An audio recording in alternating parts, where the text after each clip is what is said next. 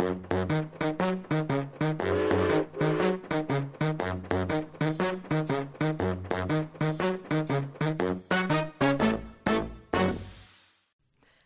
og velkommen til museumspodkasten Ekspedert. I dag så er vi på Vardøbarki samisk senter. Jeg heter Kjersti Robertsen, og jeg er museumskonsulent formidling i Museum Nord, avdeling Ofoten, så jeg har kontor i Narvik. Og i dag så har jeg med meg Tone. Kan vi introdusere deg sjøl, Tone? Det kan jeg gjøre. Tone Elvebakk heter jeg. Jeg er opprinnelig fra Snubba. Og jeg, er, jeg har to hatter her på Vardøbarki. Eh, jeg jobber på Vardøbike museum, men i dag så har jeg altså Dodje-hatten på meg. Mm. Jeg er ansatt som Dodje-veileder på eh, Dodje-instituttet, Mm. avdeling Nordland. Yes. Så temaet i dag, det er altså doji. Dodje. Yes. Ja. Men hva er egentlig det? Ja, hva er det? Stort spørsmål. Stort spørsmål. Ja, egentlig ikke så stort. For at, altså, man, kan jo, man kan jo forklare det ganske enkelt med å si at det er samisk håndverk. Mm. Så enkelt. Men vi liker å dele det opp i, i to, to deler, og det handler litt om hvilke materialer som brukes. Mm. Garaduji og deepmaduji. Eller på norsk hardsløyd og myksløyd. Mm. Um, og, og det er rett og slett retta mot materialene som er i bruk. Uh, myk sløyd da er det skinn og stoffer og ull og sånne type materialer. Hardsløyd sier seg jo sjøl. Mm. Garadoji det er harde materialer som tre og horn og metall og ja. Mm. Hva er det du gjør? Jeg jobber som doji-veileder. Mm. Um, jeg tror at jeg, jeg bruker å se på meg sjøl som the missing link mellom Altså, når fornorskninga um, uh, trødde til, ikke sant, Mm. så, så endte man jo opp med at denne samiske kulturen skulle ikke videreføres. Man ville beskytte sine. Mm. de du var, dem var glad i, liksom. Og det som skjedde da, var at uh, den her kunnskapen om uh, hvordan man laga skaller, hvordan man sydde gaktien sin, kofta si, eh, den ble aldri videreført. Og det er min jobb på en måte å prøve å rette opp i det her. Jeg skal Mm. videreføre de her, denne her tradisjonelle kunnskapen til dem som ønsker å lære det. Mm. Ja. Så da bruker du å holde kurs, eller hva Jeg- gjør du? Jeg Unngår å holde kurs. Ikke hele tida. Jeg har nå vært på kurs med deg. ja, men det var ikke jeg som arrangerte det. Jeg var, jeg var leid inn, eller jeg, jeg lovte å stille opp. Jeg, jeg, bruker å skille det, faktisk. Fordi at, og det handler litt om hvordan, hvordan jeg praktisk gjennomfører det. Når du skal holde et kurs, så Mm. skal du arrangere det, det skal lyses ut. Det er ofte kursavgift, og det er en stor organisering rundt det hele. Jeg har 50% stilling, Mm. og skal or organisere kurs, så vil jeg altså eh, bruke så mye tid, egentlig, av stillinga mi til å, å skulle arrangere og organisere ting. Mm. Så det jeg eh, gjør, det er at jeg veileder, men jeg prøver å organisere det sånn at jeg veileder gruppevis. Mm. Sånn at hvis at folk uh, kommer til meg og sier at åh, jeg har så lyst til å lære meg å sy gakti, kofta, så sier jeg at å ja, jeg kommer tilbake igjen til deg. Jeg skriver det opp på lista mi. Og når jeg Mm. kanskje får to, tre, fire stykker, så uh, trekker jeg det i gang. Ja. Og da, da blir det jo nesten som et kurs. Mm. Men jeg annonserer dem ikke. Nei. Og det har jeg gjort én gang, og da tenkte jeg nei, det her skal jeg aldri gjøre mer. Men det handler om at det er så, eh, et så stort behov Mm. for å, å få denne kunnskapen. Så uh, vi, uh, vi hadde ei veiledningsgruppe på gang som, uh, der vi skulle frynse sjal. Mm. Uh, resa litt lin i. Eh, og så hadde vi plass til flere, så jeg skrev det. Vi har en egen Facebook-side. Ja. Doji-instituttet av Nordland. Der, Mhm. eh, hvis man går inn der og ser på det, så er det ofte bilder og sånt fra, fra våre eh, aktiviteter. og sånn. Men på denne Facebook-sida så skrev jeg at vi har, er det noen som har lyst til å lære seg å frynse sjal, så kan vi det. Jeg frynsa sjal hele resten av det halvåret, for det var altså sånn trøkk, liksom. Så, eh, ja. Sånn at uh, jeg er åpen for det meste, og kan ikke jeg ting, så prøver jeg å få tak i folk som kan det, sånn at vi kan få, få um, veileder i, i også teknikker som ikke jeg kan. Mm. Mm. Men veiledning, og gjerne via gruppe. Ja. Og så er det jo sånn at vi, vi har jo uh, lokalene våre på Vardøbaiki. Vi har et forholdsvis stort rom, Mm. men skal du sy gaktig, så er det altfor lite. Ja. Uh, så, og skal man gjøre sånne her, uh, aktiviteter som ikke krever mye eh, plass, er plasskrevende, Mm. så går det fint å være noen stykker der. Men jeg tror at vi maks kan være altså seks stykker, og det er kanskje en liten gruppe hvis man, eh, hvis man da har uh, aktiviteter der man kan være mange. Mm. Uh, så det jeg gjør, det er at jeg reiser ut. Jeg reiser av gårde uh, eh, til helga nå, så skal jeg til Kongsvika. Mm. Så da kjører jeg dit på lørdagen og hjem igjen, og kjører dit på søndagen igjen. Mm. Det hender jeg har vært i Lofoten. Der har vi møttes. og- Nei, ikke i Lofoten. Hysj, da, Vesterålen. Ja. Å, fytti grisen. kjempetobbe! ja, Vesterålen. Ja, ikke sant. Så jeg, jeg beveger litt på meg Mm. når jeg, når jeg, hvis det er behov for det. Mm. Og det er jo også for å kunne møte folk der de er. Det er jo et stort område, egentlig. Nordland er jo egentlig mitt uh, område, sånn her, uh, på papiret. Men uh, i Nordland så er det jo faktisk en av de, altså det eneste fylket som har alle tre samiske grupperingene på Mm. plass. Både det sørsamiske og det lulesamiske. Faktisk det pitesamiske også, Mm. hvis man teller det med som egen. Ja. Det, noen regner jo den som er undergruppa av det lulesamiske, men eh, sjøl så vil de jo være egen gruppe. Mm. Mm. Og så er vi her i vårt område, eh, i Evnes og Skånland, Tjeldsund, så er det det nordsamiske. Mm. Neste, det sørligste nordsamiske. Ja. Mm. Ja. Og jeg kan ingenting om sørsamisk duchi, eller om lulesamisk eller pitesamisk. Så jeg kan jo bare veilede i det jeg kan, Mm. og det er jo dujien som hører til oss Ja. her i, i altså Ofoten og Sør-Troms, i Nord Nordland og Sør-Troms. Altså områder som, som er vanskelig på en måte å, å trekke i eksakt linje rundt. Men, uh, men så vi tenker at vi som har den samme uh, koftetradisjonen, Mm. eller, eller like, altså veldig like Mm. variasjoner. Altså lite variasjoner. Ja. Mm. Nå sa du kofte. Kofte. Gaktig. Mm. Vi er jo et stort område, som du sier. mm. Har du noe tall på hvor mange kofter vi har, eller er det så mange at, og så mange variasjoner at det er vanskelig å si? Ja, eller i hvert fall Det kan sikkert være at folk har oversikten over det. Mm. Bunadleksikonet. Der kan man bla og telle. Mm. Det er faktisk veldig veldig mange områder. Uh, og, og de her altså Jeg, jeg syns jo det her er spennende, egentlig. Nå snakka meg litt bort ifra Mm. det her tallet som ikke jeg vet svaret på. Men til det som er det spennende, så syns jeg i forhold til dojin, og det er jo det her at den, den, den er forankra så geografisk. Mm. Uh, og det det innebærer, er jo at man kan se hvor et menneske kommer fra, eller hvor eh, slekta til det mennesket kommer fra. Mm. Den kommuniserer fantastisk mye, sender fantastisk mye informasjon ut, bare gjennom eh, hvordan man pynter kofta, hvordan farger man bruker, og sånne ting. Mm. Og det er jo faktisk sånn at innenfor vårt område, Nordre Nordland og Sør-Troms, eh, så kan man jo faktisk man, Har man trent dojøye, så kan man faktisk se hvordan bygd ting kommer fra, Mm. i noen utstrekning. Man kan også se eh, nesten hvordan doeier, hvordan håndverker som har sydd. Fordi at det er, er variasjoner i det hele. Mm. Og det er jo noe av det som skiller eh, Gaktien skiller seg fra eh, bunaden, f.eks. Ja. Eh, Gaktien lever jo i si samtid. Mm. Den lever jo eh, og endres alt ettersom eh, hvordan tida går. Ja. Eh, på 70-tallet, da vet jo hvordan skjørtelengden var. og den smitta over på Gaktien. Da var han faktisk over knærne. Mm. Så det er rett og slett mote. Det er rett og slett mote. Man ser det jo også på stoffer. Hvilke stoffer som er, er, er i mote. Og da kan man jo også se på hvilket årstall ble Mm. den gaktien sydd på, f.eks. For eksempel. Mm. fordi, at, eh, fordi at det varierer sånn. Og det er jo spennende. Det som jeg tror folk også tenker ofte når de ser på kofta, er jo uh, hvilken farge kofta har. Mm. Og det skiter vi i. Vi tar den fargen vi syns er fin, egentlig. Men det som er viktig, det er at båndene, pynten på kofta, har våre tradisjonelle farger. Mm. Vi skiller jo egentlig mellom eh, den her tradisjonelle dojien, den tradisjonelle gaktien, og f.eks. sommergaktig eller ja, kjolegaktig. Mm.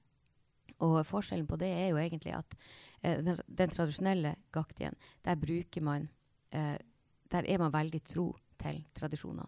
Da, da på en måte beholder man eh, omtrent alle de her eh, eh, kjennetegnene, merkene, som sier at det her er en gakt fra vårt område. Mm. Mens eh, når man syr i sommerkofta, så bruker man kanskje blomstrete stoff, og så bruker man eh, noen eh, bånd som kanskje skiller seg litt i fargene fra det som på en måte er tradisjonelt. Mm. Ja. Så har du noen som syr litt mer sånn festkofte. Ja. Med paljetter, f.eks. Med paljetter, f.eks. Ja, ikke sant? jeg tror ikke vi er mange, men det har altså jeg gjort en Ja. gang. Jeg har det- sett den. Ja, det Ikke helt ferdig, da, men uh, Nei. Nei. Mm, nei. Det var altså eh, Skal jeg fortelle fortellinga? det kan du gjøre. Hun, eh, Ina Maria Amundsen Mm. hun er veldig veldig god å synge. Mm. Og hun kjenner jeg godt. Vi er nært til familien hennes. Da hun fylte 18 år, så tenkte jeg hva, hva, hva gir man en 18-åring i, i gave, liksom? Så jeg tenkte ah, jeg kan jo faktisk lage hun en, noe sånn her samisk design-klesplagg som hun Mhm. kan bruke på scenen. Ikke sant? Jeg så for meg at jeg kunne jo sy kanskje en skjørt med noe striper på, eller noe sånn her enkelt. Mm. Um, så jeg skrev det her på kort og ga det til henne. Og gikk jo i sjokk når hun ønska seg en gakti. Og ikke bare en gakti, men en gakti med paljetter. Ja. Jeg var på Grønland i Oslo og vandra rundt der. I, I de her butikkene som, som, med masse indisk, og, altså øst, fra øst Mm. eh, stoffer. Og det, altså det er jo så mye glitter og så mye fantastiske greier at jeg gikk jo, nest, jeg gikk jo nesten blind. Og i det her, her så var det altså et fantastisk turkist eh, paljettstoff. Mm. Når du strøk paljettene den ene veien, strøk du paljettene den andre veien, så ble de sølv. Mm. Så det kjøpte jeg noen meter av. Og skulle begynne å sy paljettstoff. Jeg har aldri gjort det før. Nei. Så jeg måtte jo YouTube litt. og skjønte jo at det å sy paljettstoff er jo ikke bare å sy. Man må faktisk kleppe vekk alle paljettene i sømmen. Mm. For ellers så blir det ganske vondt å ha den på seg. De kan bli litt skarpe, de der. De kan det faktisk, og det Mm. er forferdelig ekkelt. Man, eh, enten så må man jo ha mye under, og det er jo ikke så artig når man skal ha en paljettgreie på seg. Mm. Anna ting var jo at uh, hvordan i all verdens navn rike skulle jeg klare å pynte det her med? Vanligvis så bruker vi jo ullklede, altså ullstoff, Mm. i rødt og gult som pynten vår. Det blir ikke fint til pal- paljetter. Det er noe med at det blir Det trengte noe annet. så, jeg, så jeg tenkte at hva, hva gjør man? Unge og vakre jenter. Jeg kan jo faktisk eh, trå til å prøve å leke meg litt mot det gjennomsiktige. Så det ble faktisk det. Rød, rød striper av et, et um, Nesten som et sånn her tyllstoff, sånn som Mm. du ser gjennom. Med litt, etter hvert litt bånd på i de våre tradisjonelle farger. Men det ble altså en gaktia av det til slutt. Ja. Faktisk. Tro det eller ei. Og jenta var fornøyd. Det var nå bra. Ja. Så det er ikke bare bare å holde på med, med Mm. koftesying. Man skal, ikke, man skal ikke love seg bort uten å vite hva man Nei, det Kanskje det er det som er lærdommen. Mm. Men det er, jo, altså, det er jo noe av det som jeg syns er artig også med, med samisk doji. Mm. At du kan faktisk leke deg litt. Du kan faktisk um, trekke det ganske langt ut. Som f.eks. Når, når man ender opp med at man lager en, eh, ei, ei paljettkofte. Det er ikke Mm. så mange som gjør det. Det er ganske sjeldent. Men man kan ikke si at den er tradisjonell. Men ser du på den gaktien, så vil du se at den er fra vårt område. Mm. Den har eh, rødt og gult på seg. Det er våre farger. Mm. Det er de fargene vi er aller, aller mest glad i. Eh, vi har et kryss foran på gaktien. Det er også et kjennetegn som er fra vårt område. Alle gaktiene, både mann- og damegaktiene, har et kryss som er på en måte i slutten av splitten, som Mm. er, er halvsplitten. Og så har den eh, eh, ryggpynt, skulderpynt, som på en måte er tradisjonell. Så alle de momentene var på plass. Bare, bare litt annerledes stoff, og, litt, og ikke i klede. Nei. Mm. Det var artig å utfordre deg litt, da. Ja, det var det jo. Litt sånn her eh, problemløsing og kreativitet. Ja. Jeg, eh, jeg hadde ikke gjort det igjen, sånn her helt frivillig. det må jeg nå si. Men jeg syns jo det er artig å ha gjort det. Mm. Jeg mollkosa meg egentlig når, det, når jeg begynte å nærme meg slutten. Endelig snart ferdig. Yay. Nei, men det er artig. Mm, ja, det er det faktisk. Mm. Mm, ja. Men sånn bortsett fra koftesying, Mm. hva annet holder du på med av doji sjøl? Um, altså, gaktien, kofta vår, er jo en av, en av de her plaggene, samiske plaggene som man bruker. Men man har jo tilbehør til den. Uh, man må ha et belte i livet. Det er jo også, eh, har jo en egen ornamentikk, en egen eh, stil fra vårt område. Egen fargebruk. Um, så det kan man jo på en måte lage.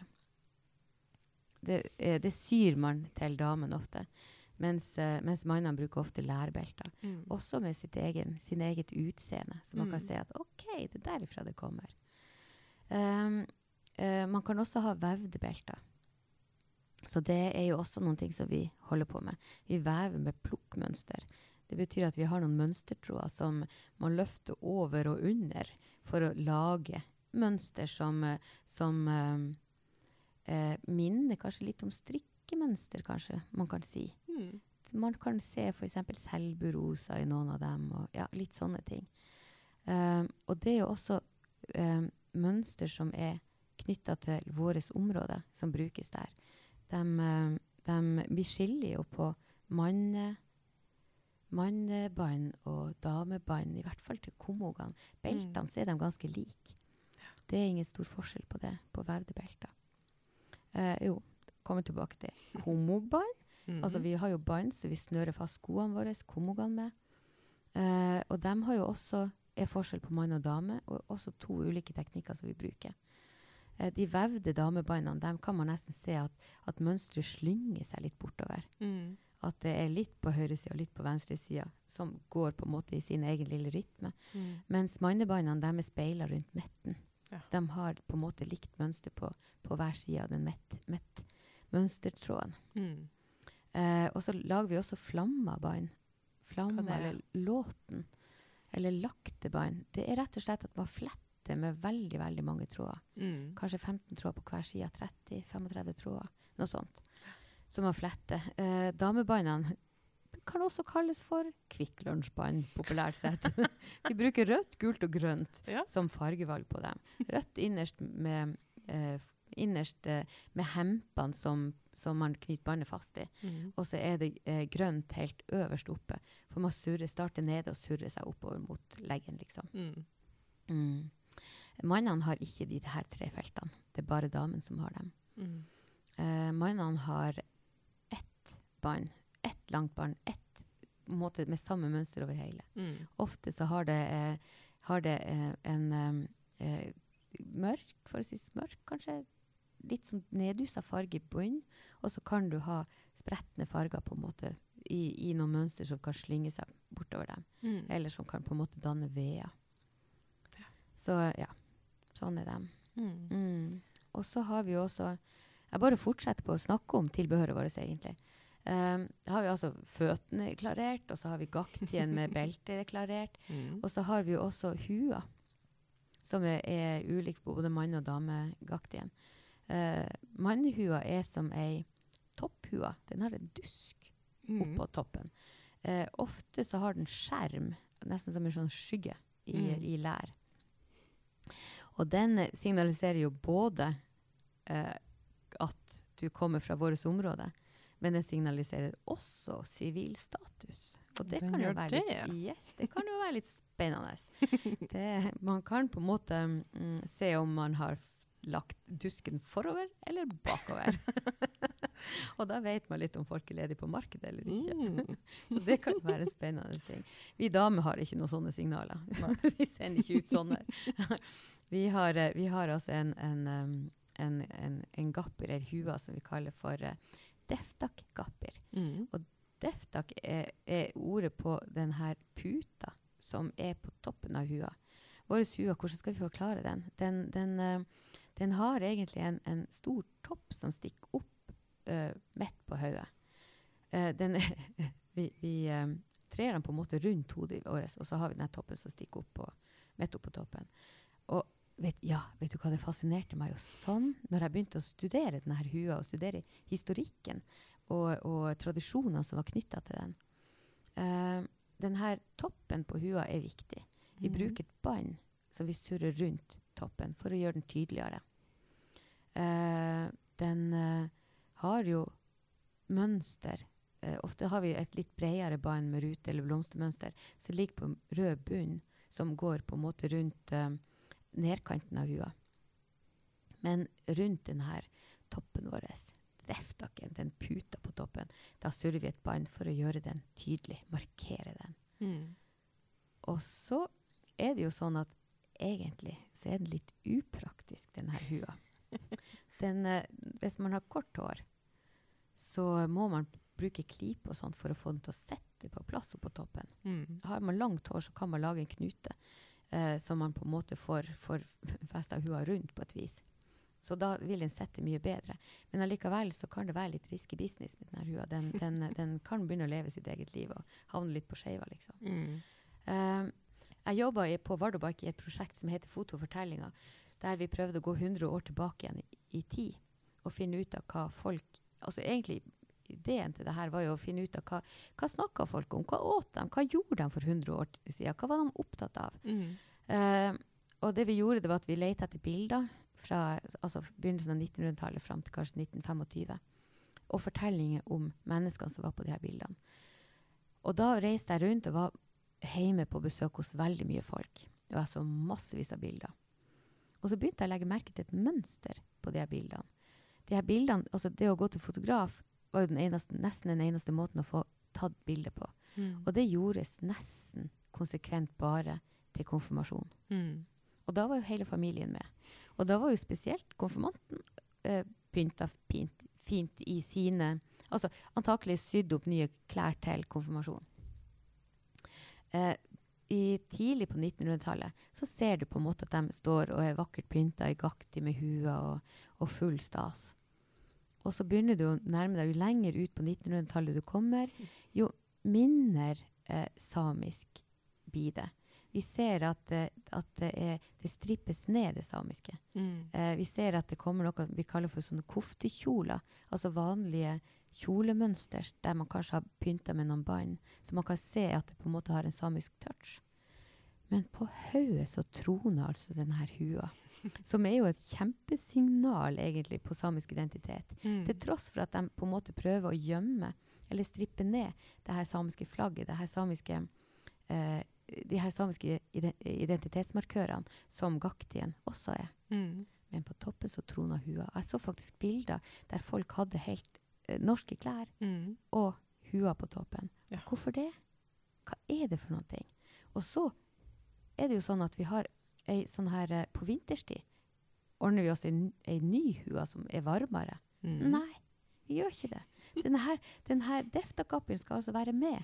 Og det vi gjør, er at vi putter enten et sjal rundt deftakappen, så vi ikke skal fryse på ørene, eller så lager vi ei egen hua, en moffal, som altså er i hua som har, eh, går godt ned etter ørene, ikke sant, med klaffer og sånn, så du kan knyte under haka di. Eh, men på toppen så er det et hold. Og oppå det holdet så stikker våre puter, våre tårn, Mm. for å si det sånn.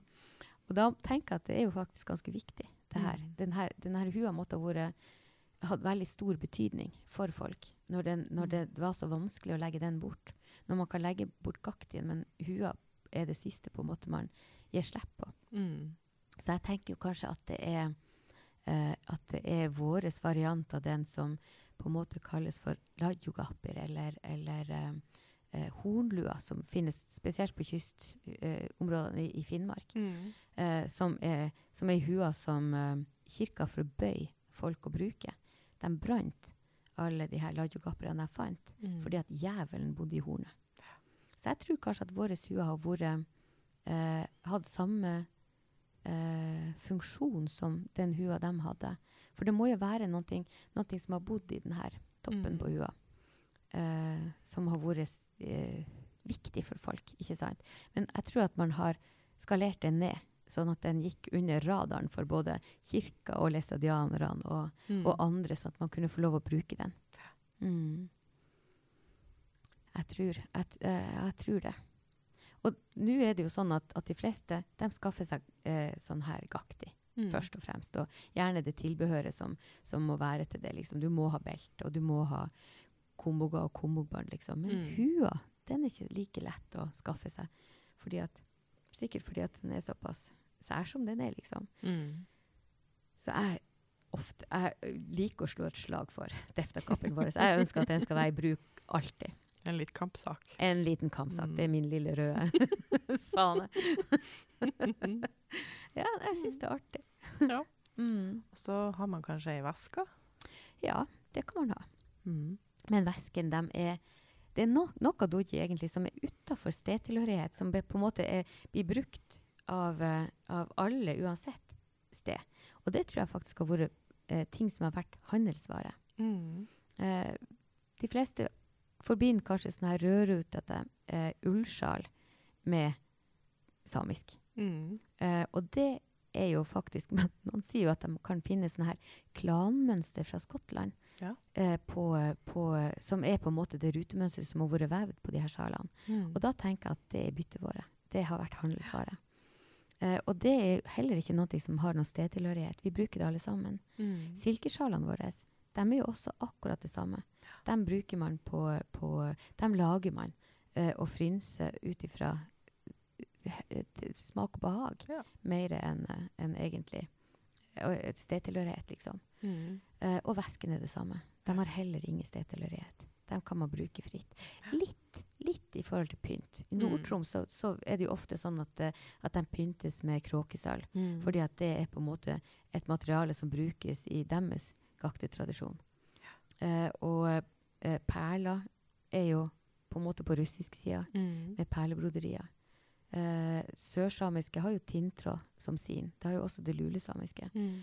Eh, men utover det så er det jo faktisk sånn at det er ingen som vil løfte så veldig mye på øyenbrynene om de ser at jeg kommer vandrende med ei perleveske. Perlepynta veske. Det, men kommer jeg med, med kommobånd som kommer fra det området, så vil det nok eh, ikke bli mottatt med, med så veldig åpne armer. Og jeg er enig i det. Jeg syns faktisk det er ganske viktig. Jeg tenker på at, at uh, kofta, eller de her gaktetradisjonene, denne dujin som vi har, den kommuniserer egentlig veldig, uh, veldig mye. Det har på en måte et taust språk eh, som er viktig, Mm. ikke sant? Eh, og, eh, og tuller man med de her eh, stedtilhørighetene, så kødder man med kofta også. Da kødder man med, med signaler som det sendes ut. Mm. Det er nesten som man knebler dojien, tenker jeg. Ja. Mm. Jeg vet jo at det er mange, mange, mange altså Jobben min går jo ut på å hjelpe folk som på en måte ønsker å ta tilbake igjen både identitet, men også ferdigheter. Mm. Doji-ferdigheter.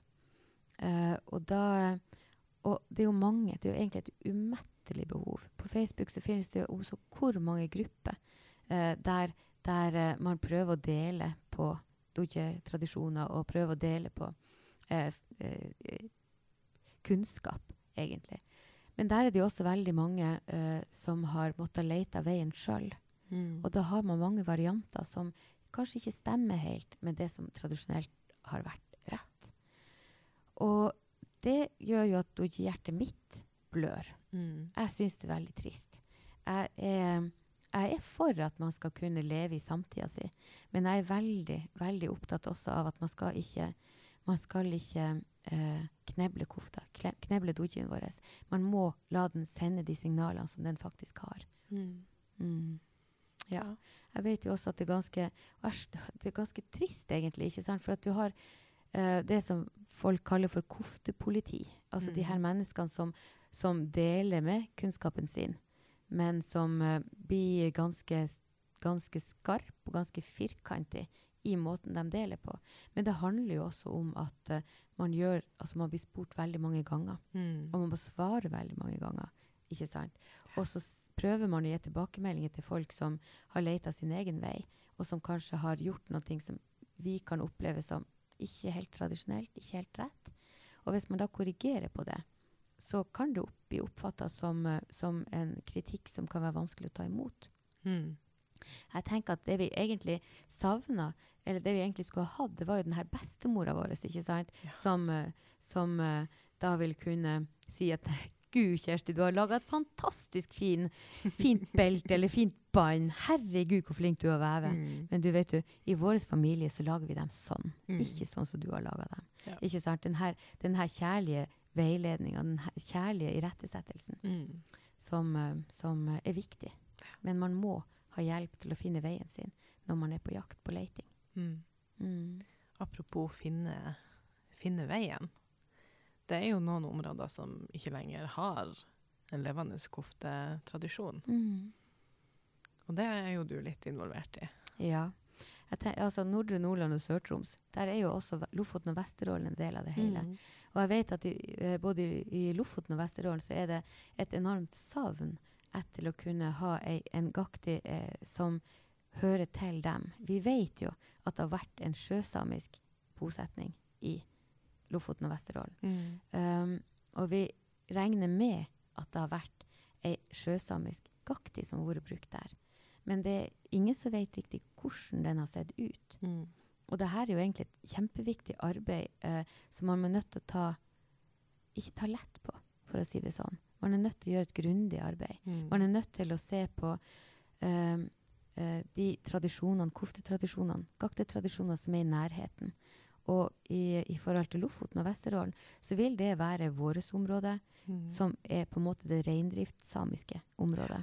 Der, der eh, folk flytter mellom, mellom egentlig eh, vinterbeite på svensk side og sommerbeite her. Og de flytter jo også utover Lofoten og Vesterålen. Eh, og også det, det, det som er mer sjøsamisk, som blir det lulesamiske. Det er ikke langt unna når man tenker på sjøveien. Mm. Det er ganske nært å farte mellom, mellom eh, Svolvær og eh, Tysfjorden. Ja. Mm. ja, det er det. Så man må på en måte se på de områdene som er i nærheten. Man er nødt til å ha historikere med seg på det her laget. Man er nødt til å på en måte få det forankra nøye Mm. i historien, i fortellingene. Og så er det jo ikke noen bilder som er på en måte altså det, det Antakelig så har det her vært en levende tradisjon på 1600-1700-tallet. Mm. Um, og det er ikke vært funn av noen, noen gaktier som på en måte man kan uh, si at det her er den sjøsamiske.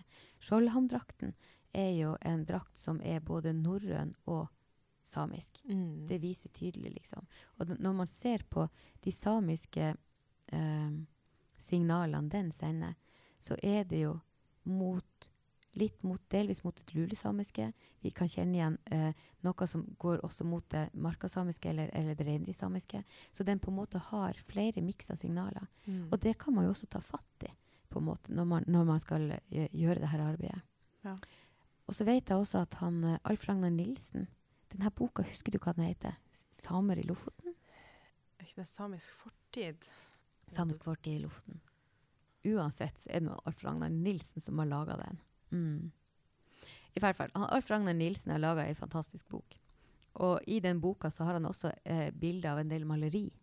Og de maleriene er bl.a. fra markedet i Kabelvåg, og det er ja, det er fra flere, flere plasser der du plutselig ser at det er samer som er på bildene. Mm. Og eh, da kan man også kikke litt grann på hvordan de koftene, de gaktiene, det, det, det de har på seg, er laga. Hvordan ornamentikk, hvordan pynt er det på dem.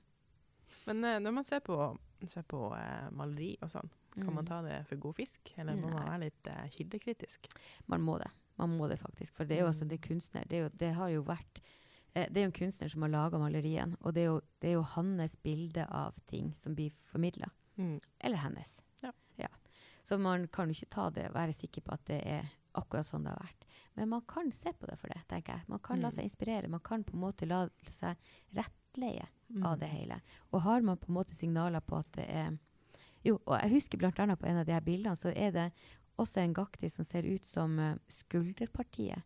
Og kanskje kragen hører til vårt område. Mm. Mens uh, holbien, altså det nederste på gaktien, det ser ut som det hører til det lulesamiske. Ja. Og jeg kan tro på den miksen. At det kunne ha vært Mm. en sånn her. eh, at de er beslekta med hverandre. At Mm. de har likhetstrekk med begge.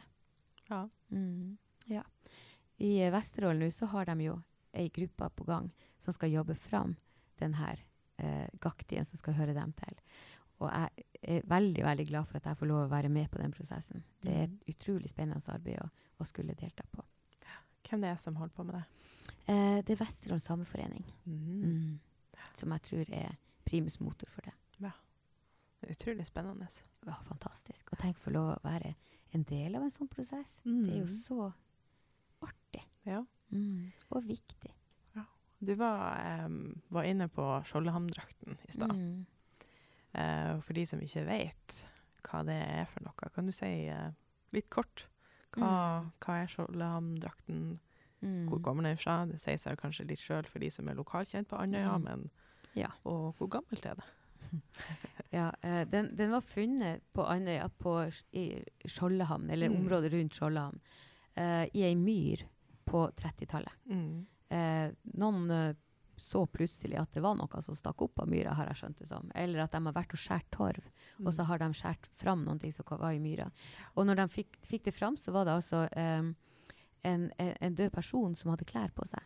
Uh, den var svøpt i never og lå på skinn, reinskinn. Så man trodde at det var et samisk gravskikk. Mm. Og når man ser på klærne, så ser man også at det er veldig knytta opp til det norrøne. Um, Denne drakten er datert til 1050. Ja. Hæ? Det er 1000 år siden snart. Er ikke det sinnssykt lenge? Ja, det er vilt.